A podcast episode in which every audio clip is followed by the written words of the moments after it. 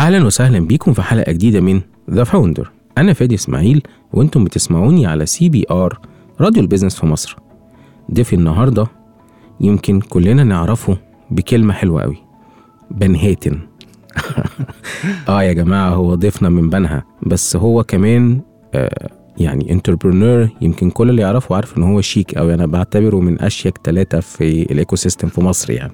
وعلى المستوى ال professional هو دايما متواضع. ودايما تحب تتكلم معاه أنا مش هطول عليكم أنا ضيفي النهارده من بنهاتن عمرو حسين. ازيك يا عمرو؟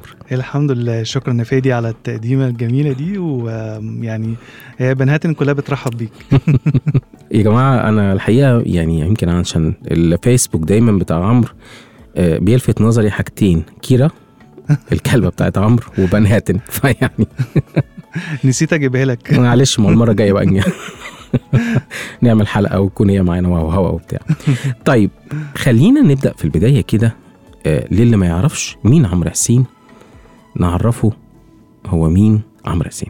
أوكي يعني اولا أنا بحب أشكرك على الاستضافة. أه مبدئيا كده أنا لو هتكلم على ال background بتاعتي ك education أه فأنا خريج علوم أه كيمياء. أه قسم organic chemistry وبدأت في ريادة الأعمال من 2012 كنت بشتغل freelancer مع شركات كتيرة في مصر وفي آه، الإمارات. قعدت فترة يعني بشتغل as business development وبعد كده آه، عملت حاجة اسمها ميزاني.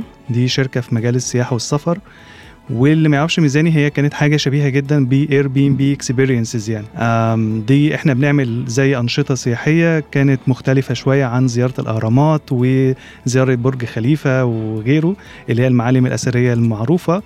وكنا يعني ال- ال- الفكرة كلها إن هو كان ممكن أنت تجرب cooking class تعمله ممكن تروح تتعلم فوتوغرافي في شارع المعز وهكذا يعني. آه، قعدت في الفترة دي حوالي ثلاث سنين اتعلمت فيها كتير قوي. ويمكن أنا دلوقتي بحاول أساعد رواد الأعمال آه، بسبب التجربة بتاعت ميزاني في الحقيقة. لأن هي كانت بدايتها فكرة وأنا يعني شغوف بيها جدا. وبعد كده اتعلمت فيها كتير سواء في سوقين من أهم الأسواق اللي موجودة في ال Middle East زي مصر والإمارات. وبعد الرحلة الطويلة دي خلاص أنا رجعت آه، مصر وأغلقت شركة آه، ميزاني. آه، بعد تجربة بصراحة الحمد لله كانت ثريه جدا اتعلمت فيها كتير. آه، قعدت سنة كده آه، بعد شركة ميزاني ما عملتش حاجة. يعني مم. كنت بس بستريح شوية من الفترة دي أو كنت دخلت في zone كده ما كانتش آه، ألطف حاجة يعني. بعدين فوقت تاني على حاجة اسمها Starter Hub و Starter Hub ده كان project إن هو بيربط كل ال ecosystem بالموارد اللي هم محتاجينها. زي إن هم عايزين mentor عايزين investor عايزين يعني أي work معينة أو event فده كنت بربط ده بشكل digital آه على Starter Hub بعد ثلاث شهور بالظبط عملت pilot كده على Facebook group آم، والحمد لله يعني بدأت أنزل ال ال الأرض on ground وعملت event ات آه، خاصة بريادة الأعمال و آه، يعني كان في ناس كتير الحمد لله كانت بتساعدني في الوقت ده. وجت RiseUp قالت لي طيب تعالى معانا. آه، في حاجة اسمها acqui-hire وانضميت ل RiseUp من الوقت ده الحمد لله. ويعني خدت كذا position في RiseUp من أول community manager لغاية دلوقتي حاجة اسمها entrepreneur in residence وده ببساطة أنا مسؤول عن كل الحاجات الخاصة بال startups والمستثمرين اللي هي آه، تبع RiseUp Summit اللي هو ده أشهر product عندنا في RiseUp والحاجة التانية اللي هي ال programs اللي هي during the year إحنا بنعملها سواء بقى مع شركات أو مع وزارات أو غيره أو حتى في السعودية آه، لأن إحنا الحمد لله كمان دخلنا السعودية السنة اللي فاتت آه، مش من خلال RiseUp Summit Saudi بس كمان من آه، التعاون مع برامج زي مسك آه، وغيرها. وكان لنا تجربة الحمد لله ناجحة قوي برضو في السعودية اللي هي الحج حج hackathon hackathon يعني. آه هاكاثون الحج وده كان من أكبر ال hackathons اللي اتعملت في ال Middle East آه، في الفترة دي يعني. بس يعني آخر حاجة يمكن آه، أنا mentor و trainer يعني في أكتر من accelerator incubator سواء آه. في مصر أو السعودية أو الإمارات وكمان الأردن آه، وفلسطين. وبحاول دايما إن أنا أساعد آه، رواد الأعمال بالذات في مرحلة ال early stage يعني.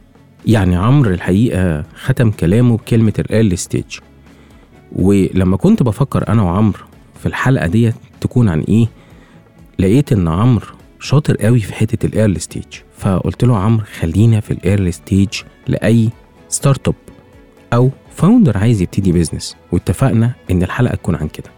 فحلقة النهارده هتكون عن ال early stage وال pre-seeding بس قبل ما نبتدي في الحلقة خليني أوجه كده تحية لشرارة عبد الحميد وهنزاده وكل RiseUp team علشان طبعا إحنا معانا ممثل عمرو حسين. طيب عمرو سؤال دايما بسأله لكل الناس اللي بيجوا معايا في البرنامج. أنت شايف ال ecosystem في 2023 شكله عامل إزاي؟ في مصر وفي الوطن العربي. okay. آه هو يعني السؤال ممكن يبدو شوية معقد آه لأنه إحنا في 2023 إحنا مش عارفين التقلبات الاقتصادية ممكن تكون رايحة فين. آه وده مش في مصر بس ولا في العالم كله. آه بدليل الحرب على في أوكرانيا والاقتصاد بشكل عام آه متأثر. آه 2022 إحنا عدينا بيها بفترات صعبة. بالذات على الاقتصاد المصري. ولكن خليني أقول ممكن بعض الأرقام إنه إنه في مصر بدأ حجم الاستثمارات بشكل عام في أول تسعة شهور عدى ل 400 مليون دولار في الشركات الناشئة المصرية. فده رقم كان كويس وإن شاء الله نأمل إنه 23 كمان يكون أرقام أعلى من كده بكتير. في ال MENA region region بشكل عام إنه من يعني ما فيش أرقام واضحة قوي في 2022 ولكن بيعدي ال 2 مليار دولار بس ده على ال MENA region region بشكل عام. أنا يمكن بشوف إن المرحلة دي ممكن تكون مرحلة كويسة جدا لل R&D ال research والبحث والتطوير بشكل عام إنه لو أنت عندك فكرة ولسه عايز تخش السوق ممكن أقول لك اصبر شوية. آه يعني شوف بس سعر الصرف بالذات لو في مصر إن هو يستقر عند مستويات معينة. آه تقدر تعمل بيها projections كويسة. فرصة إن أنت ممكن تتكلم فيها مع ال customers الخاصين بيك إن أنت مستهدفهم. فرصة كمان إن أنت تتأكد من الفرضيات بتاعتك أو أي افتراضات أنت شايف إن الفكرة بتاعتك ممكن تنجح فحاول تتأكد منها. النقطة برضو أخيرة إنه ما تسيبش شغلك دلوقتي. يعني هو مش وقت مغامرة كاملة. ممكن تكون مغامرة محسوبة في الحدود الضيقة الضيقة يعني لغاية لما الأمور تتحسن بشكل كبير. ولكن إحنا بنأمل يعني إنه 2023 إن شاء الله يكون أفضل بكتير. يكون في حلول موجودة لل ecosystem بشكل كبير إن شاء الله سواء في مصر أو في السعودية أو في الإمارات بشكل عام. فيعني أنا متفائل بإذن الله. أنت متفائل؟ الحمد لله. أنا بحب قوي أنا بحب جدا يا جماعة ضحكة عمرو كده. تقعد تتكلم معاه تحس إن هو متفائل. حياه حلوة قوي وأنا كمان متفائل. ويمكن سبب التفاؤل ال report اللي طلعته ماجنت آه الأسبوع اللي فات اللي كان بيتكلم فيه على آه ال MENA region بشكل عام. وكان يمكن الحقيقة لقينا إن مصر السعودية والإمارات هما بيحتلوا أول ثلاث مراكز آه في حجم الاستثمارات اللي داخلة. وعدد ال deals كانت مصر أكبر عدد deals يمكن اتعمل في آه ال MENA region آه والحقيقة اللي أنا عايز أقوله إن آه صح في تعب بس كمان آه في آه reward للي بيتعب. ولكن عجبني قوي كلمة ما تسيبش شغلك دلوقتي. صح. صح. آه يعني اصبر شوية. طيب ما هو عشان أخدك بقى للسؤال اللي هو موضوع الحلقة يعني إيه early stage. يعني إيه pre-seeding يعني أنا النهارده لو عندي فكرة وشايف إن هي كويسة قوي هي دي كده. ال early stage طيب آه ال early stage يعني هي باينة من اسمها إنه هي المرحلة المبكره لأي شركة. مم.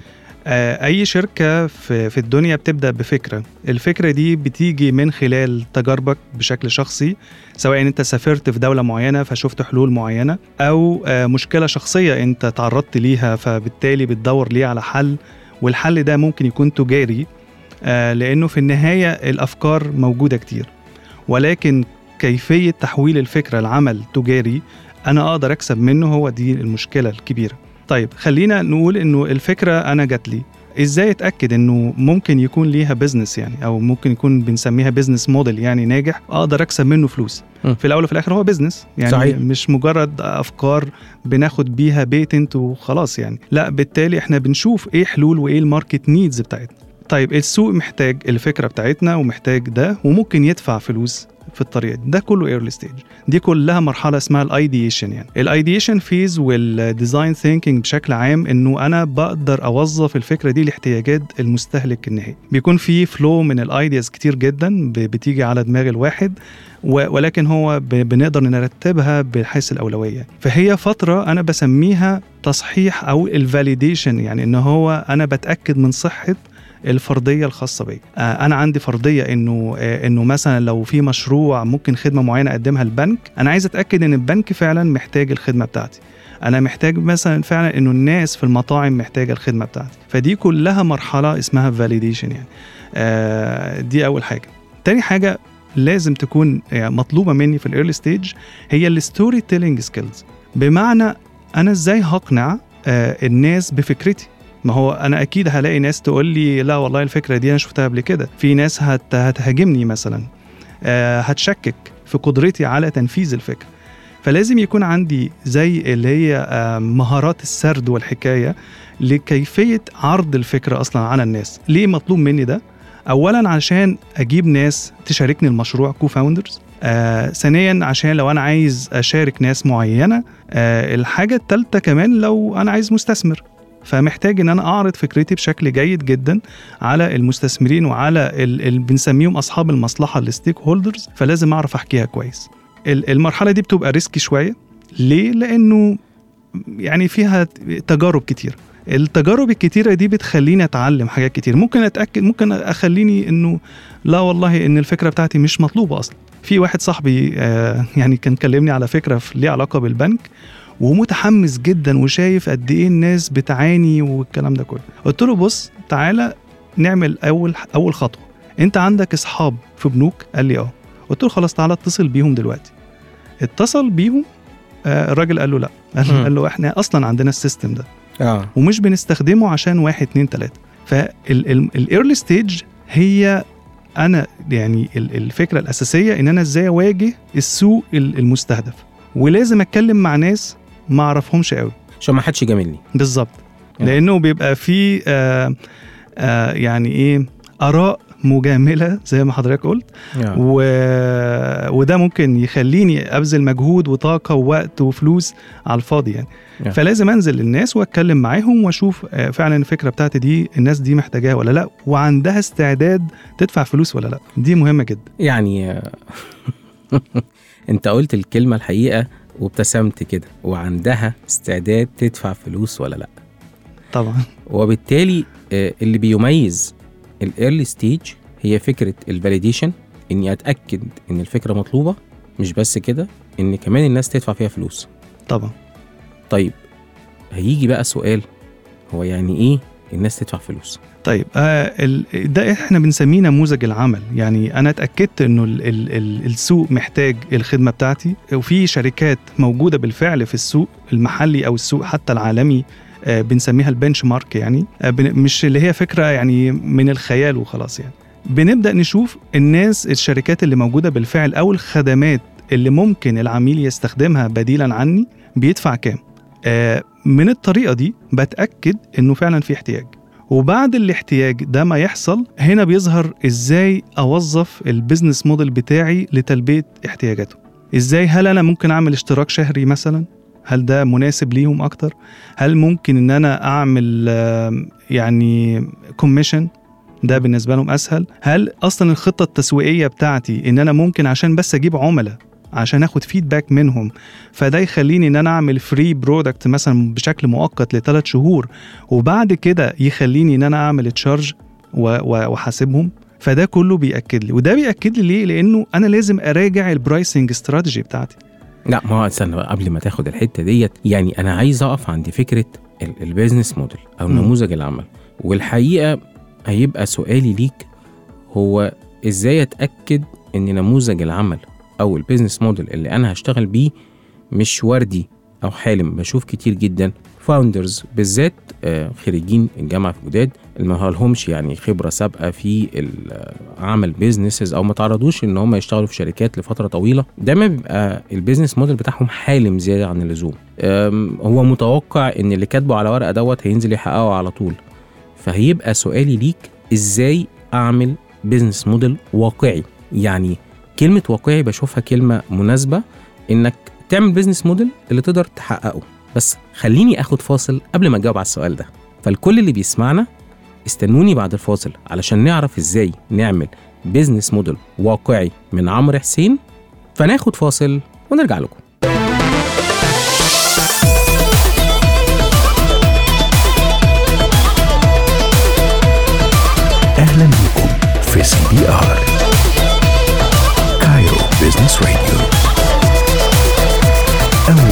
بيزنس في مصر